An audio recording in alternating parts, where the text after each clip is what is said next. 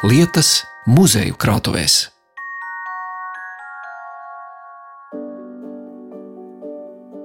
Nereizi vien šajā raidījumā ir skanējuši stāsti par Valmieras muzeja eksponātiem, garšaugu dārzu, šaursliežu dzelzceļa būvētāju piemiņas nozīmīti un Hanzas pilsētas amatnieku darinājumiem. Bet šoreiz ciemosimies muzeja krātuvē un tur ar padomju laiku dzērienu kartes palīdzību pārlaposim restorāna gauja vēsturi, uzzināsim par Rīgas pūru un ar to saistītām nesaskaņām 18. gadsimtā, aplūkosim soļotājam Jānim Daliņam valmieriešu dāvinātu etviju un šķirstīsim 19. gadsimta Valmieras dziedāšanas biedrības statūtus un Cempu pagasta tiesu grāmatu. Pilsētas centrā, kur tagad atrodas tirdzniecības centrs Valleta, pirms nepilniem 60 gadiem tika uzcelta ēka, kurā darbojās gan ēdnīca, gan kafejnīca, gan arī restorāns Gauja. Valmieras muzeja vēsturnieks Dāvis Pumpuriņš izlicis manā priekšā nelielas stikla glāzes ar stilizētiem zivtiņu siluetiem un melnbaltas fotogrāfijas ar minēto būvi un restorāna interjeru padomi laika minimālisms un diezgan bezpersonisks ēdamzāles iekārtojums. Bet savulaik te cilvēki nāca tuvu un tālu izslavētās virtuves dēļ. Stāstu par šo vietu turpina Dāvis Pumpuriņš. Mēs šobrīd eh, muzejā vācam atmiņas tieši par šo vietu, jo viņa savā laikā bija ārkārtīgi populāra, plaši apmeklēta. Un, manuprāt, vēsture ir interesanta tieši, ja mēs arī varam piefiksēt laika biedru atmiņas un tieši tādus mazus stāstīņus. Un līdz ar to mēs esam šobrīd uzsākuši intervēt valmieriešus, kuriem ir atmiņas par šo restorānu gauju, kas eh, viņā ir viesojušies vai nu kā apmeklētāji, vai arī strādājuši. Un šeit mēs uz galda redzam divas nelielas glāzītes, redzam dažas fotogrāfijas un dzērienu karti. Un tas galvenais priekšmets, par ko es šodien biju nolēmis pastāstīt, ir šīs divas glāzītes, kuras ir atnesusi uz muzeju ilgadēja restorāna direktore eh, Brigita Bērziņa. Un, uh, restorāns tika atvērts 65. gadā Valmjerā Tobrīd tika atvērts jauns universāls veikals, kur viens spārns bija veltīts tieši ēdināšanas vietām. Tā, šeit fotografijā var redzēt arī uz ēkas jumta rakstīts restorāns Gauja. Ēkai trīs stāvi, apakšējā stāvā ir eh, kulinārijas preces, otrajā stāvā bija divas ēdnīcu telpas, un trešajā stāvā bija restorāns, kas bija plaši apmeklēts pusdienas laikā. No 12 līdz 2, būtībā divās maiņās, cilvēki nāca. Cenas bija visnotaļ demokrātiskas, tikai nedaudz lielākas nekā ēdnīcā, bet savukārt tā ēdienu kvalitāte bija ļoti augsta, jo katru porciju gatavoja atsevišķi. Teiksim, tā cilvēkam bija jārēķinās, ka savu pusstundu, tad būs jāpagaida, bet tad uh, savukārt viņam tiks īpaši pagatavots ēdiens.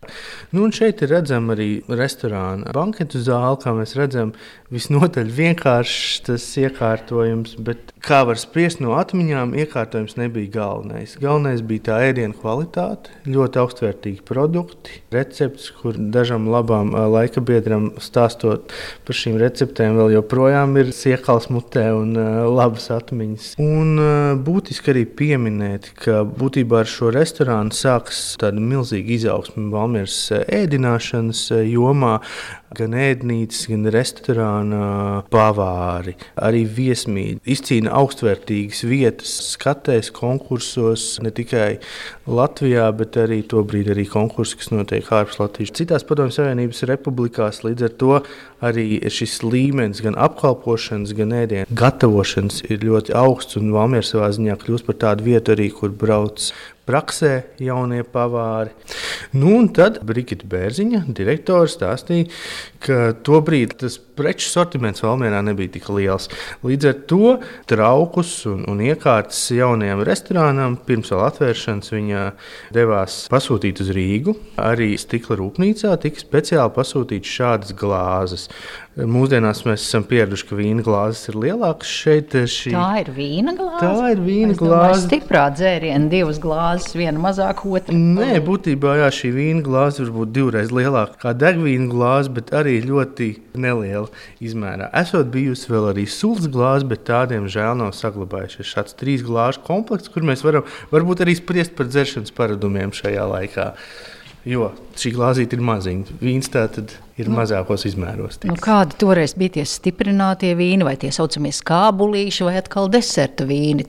Mums ir arī šeit saglabājusies dzērienu karte nav viņa pilnībā aizpildīta. Kā redzat, tikai dažas pozīcijas, bet tas, ko es gribēju parādīt, ka uz ēdienkartes ir direktora, kalkulētāja un brigādes vadītāja paraksti, jo ēdienu un dzērienu cenas jāsaskaņo vairākas reizes nedēļā. Tas nav tā, kā mēs mūsdienās varbūt esam pieraduši aiziet uz restorānu un pēc diviem mēnešiem tev ir tāda pati cena.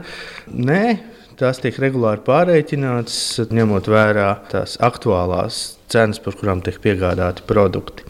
Tad viens no dzērieniem, kuriem uh, ir vērts pievērst uzmanību, ir rūjas veldze, kas ir savā laikā arī šeit, Valmieras pusē, tapusi recepte.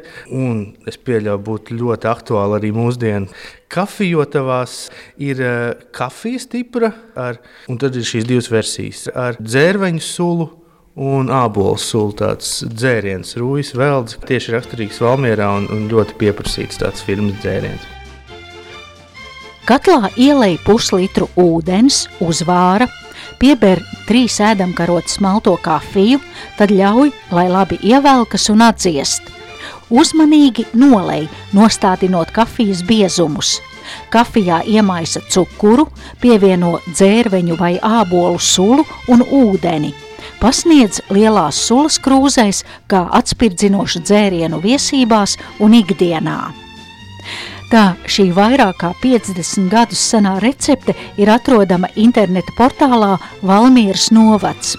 Šo recepti radīja restorāna gauja šefpavāre Ruta Bušmane – un veroties minētajā restorāna dzērienu kartē, lasu, ka glāze rūjas veldzes pagājušā gadsimta 80. gados ir maksājusi 13 kapeikas. Lētas cenas bija arī ēdienam, par to turpina Dāvis Pumpuriņš. Arī stāstīja šī direktora Brigita Bērziņa par to, ka vietējā laikraksta redaktors ir nācis regulāri uz šo restorānu pusdienās un paēdis par vienu rublu. Viņš ir ņēmis sākumā vinegretu, tad ir bijis otrais, bijis saldais un dzēriens, un respektīvi tas viss ir izmaksājis vienu rublu. Tās atmiņas ir tādas cilvēkiem, ka šī vieta ir bijusi ļoti demokrātiska cenu ziņā kas savukārt ir rezultājies tajā, ka šis restorāns ir bijis ļoti pieprasīts. Kā jau minēju, pusdienas laikā pilns restorāns, vēl vairāk cilvēku rēdnīcā, kur būtībā no rīta līdz vakaram ir rinda. Un tad ir sestdienas, svētdienas, ir eh, arī vakari restorānā. Restorāns strādā līdz pusnaktī, ir eh, nedēļas nogalēs dzīvā mūzika, un tad, protams, ir jautājums, vai tu esi rezervējis galdiņu vai nē, jo ir iespēja arī netikt iekšā. Tik pieprasīts arī ir šis restorāns. Tā karte, kas ir jau gatava izdrukāt uz tādas ļoti vienkāršas baltas lapiņas. Tas sākas ar stiprajiem dzērieniem, krievu degvīns, kristāla dzidrais Rīgas melnais balzāms, rums un džins. Rīgas melnais balzāms 2,80 maksāja. Vīni, tikai viens ierakstīts, furmins 49 kapeikas, rizlings, aligotē Feķjaska, Vermuts, Kagors, Muskats, jubilejas, ķiršu, zemeņu, rubuli 17. Tad ir liķieris benediktīns, vīna punšs, ābols saldais, pieminētā jūsu rūjas veldze pa 13 kapekām, un asortimentā ir arī ābolu kūka pa 22 kapekām. Minēto dzērienu karti, fotografijas ar restorānu interjeru varat aplūkot internetā pie šī raidījuma apraksta, un turpat arī redzami nākamie muzeja priekšmeti, par kuriem runāsim, un tie jau ir no senākas pagātnes. Kopā ar krājuma galveno glabātāju Mairu Miķelsoni ieejam muzeja atklātajā krājumā un skatāmies uz senāko šī krājuma priekšmetu – Palielu koka kasti ar metāla rokturiem, iededzinātu gada skaitli 1773 un Rīgas simbolu atslēgām. Bet kaste, kas ir sena mērvienība, savulaik ir lietota Valmieras apkaimē. Maira Miķelsone stāsta par šo mērvienību un ķibelēm, kas ir saistījušās ar mēru ieviešanu ikdienā. Esmu nokāpusi pagrabā, bet to var darīt tik viens Valmieras muzeja apmeklētājs, un esam nonākuši atklātajā krājumā, kur ir ekspozīcija mājā un sētā. Šoreiz pastāstīt gribētu par vienu no krājuma priekšmetiem, par visvecāko priekšmetu, kas ir izstādīts šajā atvērtā krājumā, mājā un sētā. Tas ir Rīgas pūrs, kurš muzeja krājumā ir ienācis 1962. gadā, un to Valmieras muzejā pirmajai toreiz novadpētniecības muzeja direktorei Alīdai Antonijai muzeja zinātniskam līdzstrādniekam Laimonim Liepniekam pieņēma no Latvijas etnogrāfiskā brīvdevas muzeju eduļu iedzīves priekšmetus. Kopumā nodevu 16, un tā skaitā arī šo pūru. Tad jāpastāst, ka Rīgas pūrs mēs runājam par uh, tilpuma mērvienību, ka šajā gadījumā ir paliela koka kaste, un tajā tad iegāja viens Rīgas pūrs, jo tie pūri jau bija dažādi Jā. dažādos laikos. Ja mēs skatāmies un mēģinām pārvērst mūsdienu tilpumu vienībās, vienība šim pūram ir 68,5 litri. Tas ir apmēram kaut kādi 48 kg, bet tas uh, varēja būt Atkarībā no kādu labību mēs tajā pūrā liekam, tas svars tomēr litri vienādi būs, jā, bet svars mainīties. Un viņam ir arī gada skaitlis, ir Rīgas atslēgas un 1773. Lūk, iededzināts tur tajā dēlī. Es tieši tagad skatos sakrustotās atslēgas. Saistībā ar šo Rīgas pūru tā vēsture jau ir diezgan sena. Praktiski iepriekš šis Rīgas pūrs, zinām jau no 13. gadsimta, no rakstītiem avotiem, kad mēs varam uzzināt kaut kādas ziņas. Viņu jau tad pasludināja par graudu nodevu tādu oficiālo mēru. Bet ņemot vērā tautas mēri, ir tāda konservatīvs raksturs, kas iesakņojas, ja, un katram bija arī tie savi tie mēri. Laukos, piemēram, bija cits pūra, tas mērvienības tilpums, un viņi bija dažādi. Un tad kā, tomēr gribējās, lai viņi būtu visi kaut kādi standartizēti, vienādi. Un iepriekš šis pūra etalons bija apaļš. Pat 1762. gadā notiek pat pūru kari. Jo strīds ir starp Rīgas tirgotājiem, kas gribēja saglabāt veco, to apaļas formas Rīgas pūru, un vidzemes ģenerālgubernatoru Georgu von Braunu, kurš izdeva rīkojumu ieviest un lietot šo četršķautņu pūru. Strīds pat nonāk līdz Pēterburgai. Tirgotāji Brauna prasību pārsūdz senātā, bet eh, ģenerālgubernators Brauns devās pie Katrīnas otrās, un šis strīds ilgst vairākus gadus līdz kamēr viņi beidzot eh, vienojas par šādas tādas kubiskas formas pūru, kura tilpums tad arī sakrist ar apaļās formas pūru. Un tad, ņemot par šo vienoto svaru mēru sistēmu, viens ir tas, ka mēs izdodam pavēles, kuras ir vairāk kārtīgi zinām no rakstiskiem avotiem, bet ka viņi vienmēr neievieš uz dzīvē. To Rīgas pūru, kurš ir tāds kā tāds viens noteikts mērs, ka viņu ne visur pielieto. Dažkārt eh, arī, ja pielieto, tad, piemēram, nodot liek šo pārdod šo labību, vai kur liek iekšā ar kaudzīti, bet pēc tam atpakaļ atkal ņem un notirgo bez tās kaudzītes. Un tas bija tāds strīdīgs jautājums. Bet saistībā ar šo Rīgas pūru ir vēl arī tas, ka vēlāk Krievu valdīšanas laikā ienāk šie Krievu beramo dažādu produktu mēri. Un tad ir tas strīds arī par to, vai lietot šo Rīgas pūru, jo Krievu tirgotāji tur ir neapmierināti. Un tad ir atkal jauni likumi, kurus pieņem ja, par šiem krievu mēriem, ka vajadzētu lietot garnicu. Un muzeja krājumā ir arī 1885. gada šī gārnica. Gārnica ir kaut kāda zināma tilpuma attiecība pret to Rīgas pūri, ja, bet viņi ir salīdzinoši mazi. Protams, ka nenotika tā, ka mēs to labību mērīsim ar šo mazo gārnici. Un tad tirgotāji, lai vienkāršāk būtu tie aprēķini, pieņēma to, ka nu, tas e, pūra mērs kaut kāds būs 20 gārnicas. Bet tas, nu, protams, nebija vienāds ar šo Rīgas pūru.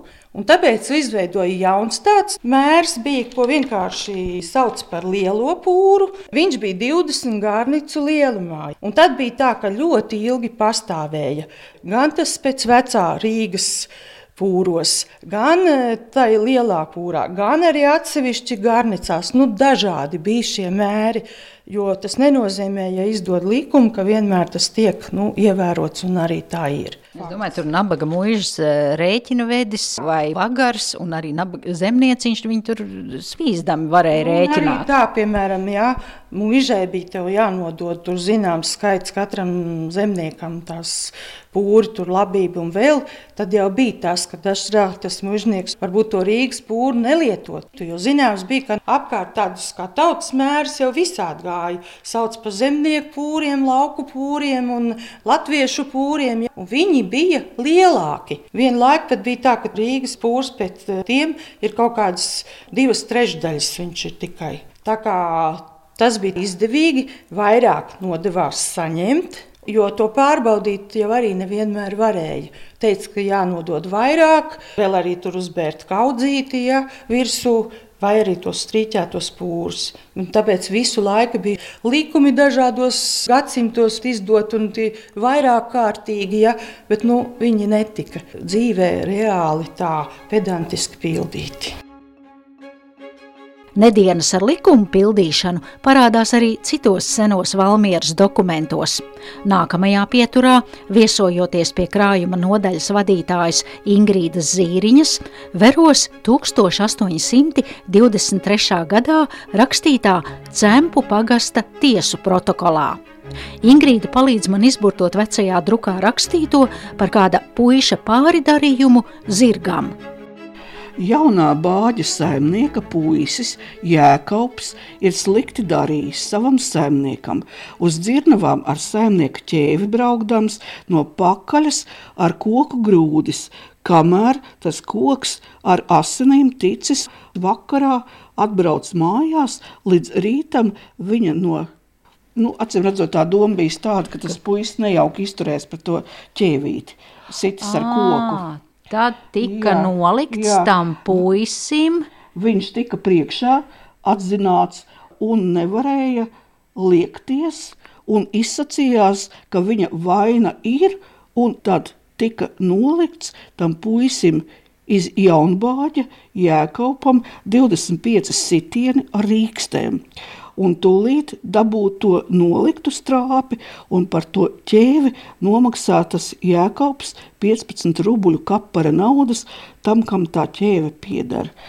Parakstījušies tiesas vīri, tātad no ķerves mājām Mārcis, priekšsēdētājs, no Inča mājām Jānis, piesēdētājs un no Lankaiša mājām Mārcis arī piesēdētājs. Jā. Tad lūk par to, ka jā. slikti izturējās slikti pret zirdziņu, tad, tad jā, par ķēvīti, tad tam puisim piesies naudas sots 15 un rūpi, arī miesas un arī miesas sots 25 rīks. Šāds ar roku rakstīts kaimiņu pagasta tiesu protokols Valmieras muzeja krājumā ir nesen ienācis, un Ingrīda Zīriņa baltiem cimdiem rokās uzmanīgi šķir lapu pēc lapas, kur lasām, kā 19. gadsimta 20.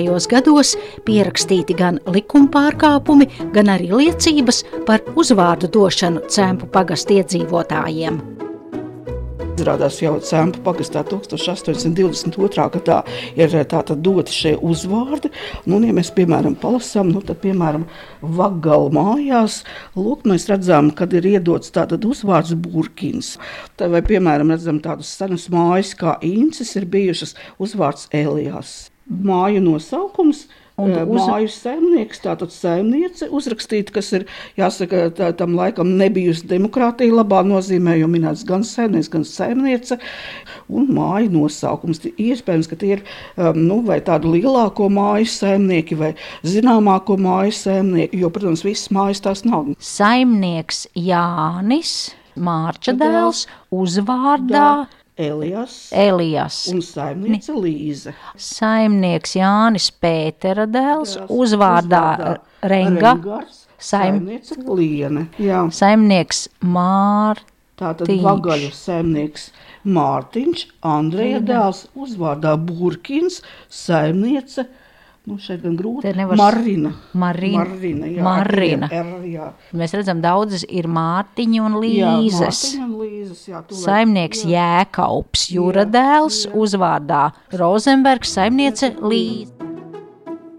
No rakstisku dārgumu krātuves Ingrīda Zīriņa ceļ ārā nākamo dokumentu, kas ir tapis 1872. gadā. Valmieras dziedāšanas biedrības statūti, rakstīti krievu un vācu valodā.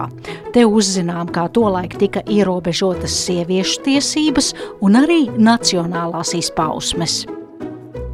Tie ir Valmijas Latviešu biedrības, ja faktiski sākotnēji tā bija dziedāšanas biedrība dziesma rota, kurai statūts uzrakstīja tolaik Valmijas draudzes skolotājs Antons Millers, kas, starp citu, vēlāk kļuva par visiem zināmā komponista Jāzepa Vītola krustēvu. Bet faktiski šis Antons Millers 1872. gadā uzraksta šos statūtus vācu valodā un viņus arī apstiprina.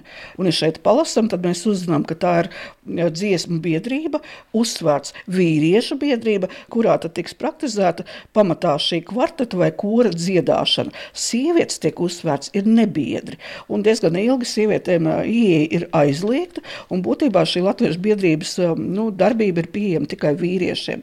Nu, lūk, šie statūti... Paragrā, paragrāfi jā, vairāk. Paragrāfi bija ļoti salīdzinoši daudz. Priekš tāds neliels biedrības, redzat, vesels 21, no tiem ganīs puse iet par noteikumiem saistībā ar kāšu spēli, ar biljardu, eh, bija aizliegts starp citu pīpot, jeb smēķēt to laiku biedrībā, ja, un tas stingri tika ievērots. Un tad jau nāk 1882. gads, kad biedrība grib nomainīt šo nosaukumu dziesmu rota uz oficiālo nosaukumu Valmijas Latviešu biedrība, kas netiek akceptēts, ierēģi noraida, tātad svītrot šo nosaukumu latviešu. Un ilgu laiku tad biedrība darbojas ar nosaukumu Valmijas viesīgā vai saviesīgā biedrība, bet, protams, ikdienā tiek saukt arī par latviešu biedrību. Kā stāsta krājuma nodaļas vadītāja, tad 1888. gadā, trešajos vispārējos dziesmu svētkos, Valmieras Latviešu biedrības koris dziesmu rota ir ieguvis sudraba līru, apbalvojumu, ko tolaik piešķīra labākajiem koriem. Un runājot par labākajiem, skatos vēl uz kādu krājuma vērtību. Sudraba cigarešu etviju, ko par panākumiem soļošanā 1930. gadā Jānim Daliņam dāvina dzimtās pilsētas uzņēmēji un veikalnieki. Interesanti, ka Daliņš bija nesmēķētājs, bet šo etviju glabāja kā mīļu piemiņu. Etvija īpaši ar to, ka 1930. gadā valmierieši par Jāņa Dalīna sporta panākumiem un par to, ka atzīstot viņa nopelnus, ka viņš arī vienlaikus popularizē gan Latviju, gan arī Valmieru kā tādu sporta pilsētu. Valmierieši, tā skaitā vairāk to laiku tādi turīgi veikalnieki, ierēģi, uzdāvināja viņam šo sudraba etviju. Apsteidzot notikumus, jāsaka uzreiz, ka pats Jānis Daliņš nesmēķēja, un nikotīns viņam bija svešs, bet šo etviju viņš esot bieži arī turējis iekškabatā, nu, kā tādu mīļu piemiņu, vai tādu, nu, gluži kā, nu, tādu kā, teiksim, kā relikviju, ja, kas viņu saistīja ar dzimto pilsētu. Un šeit arī mazliet otrā skatā būs no abām pusēm. Ja skatāmies uzmanīgi, tad šeit var arī izlasīt tā laika, nu, valmieriešiem to laiku zināmo tādu dažu veikalu pakalnieku uzrakstu iestrādātus Šeit ir veikalnieks cimdiņš, vietējais grāmatu izdevējs Jānis Dūnis. Tad ir daži no dāvinātājiem gribējuši palikt eh, anonīmi, eh, bet ir izvēlējušies tādus kā simboliņus. Ja? Mēs redzam, ka tad ir atveidots gan mēnesis, gan zivs, gan gailis. Un šeit, piemēram, zem simbola gailis, nu, mēs tā muzejnieki spriedām, varētu slēpties tolaik Valmirā arī populārais zināmais advokāts Vilis Gailis. Šeit mēs arī redzam pats Jānis Daliņš, eleganti iestrādāts. Viņa paraksts, viņa paraksts jā, iestrādāts sudrabā. Kas man interesē, ja mēs skatāmies jā. uz to etvijas priekšpusi, jā. Tad tur ir atrodi neiederīgu elementu. Jo es skatos uz tādu tautisku ainavu. Jā, jā. Es varu spriest, ka tā jā. ir tā kā Latviju tautu meita ar jā, saktu un villaini un airē buru laivu. Jā tur tāda senlatviešu pils, bet jā. pašā priekšplānā tur pie laivas sāniem ir zilonis. Jā, bet zinat, ar ziloni Valmierē tāds interesants stāsts, jo Valmiera, manuprāt, ir viena no retajām pilsētām, kurā savulaik ir bijusi ziloņa iela, un joprojām ir. Tikai Cariskās Krievijas laikā šai ielas nosaukumam lietoja visus trīs nosaukumus, visbiežāk šo vācisko elefante, mazāk zināms bija, nu, parasti arī neteica Krievu valodā Uļits Slanovai, un biežāk lietojot šo latviešu nosaukumu, tātad ziloņu. Un ziloņu iela ir joprojām Valmierā. Tad tas uh, dzīvnieks simbolizē ziloņu ielu, valmieru, nu, piederību. Nu, redzat, tā arī ir tāda gandrīz vai kā rēbus. Pagaidām es neesmu noskaidrojis saistību tieši Jānam Daliņam ar ziloņu ielu. Nu, šeit tas varētu būt drīzāk, es domāju, ka tāds kā simbols, nu, varētu teikt, izturībai. Katrā ziņā mēs arī Valmieras muzejnieki pētīsim šo etviju, bet, nu, katrā ziņā tas ir, nu, tāds rets un unikāls priekšmets, kas mūs sasaista ar Jāni Daliņu. Saku paldies par stāstījumu Valmieras muzeja krājuma nodaļas vadītājai Ingrīdai Zīriņai, galvenajai krājuma glabātājai Mairai Miķelsonei un vēsturniekam Dāvim Pumpuriņam. Raidījumu veidoja Zane Lāce Baltalksne. Vietu lietas.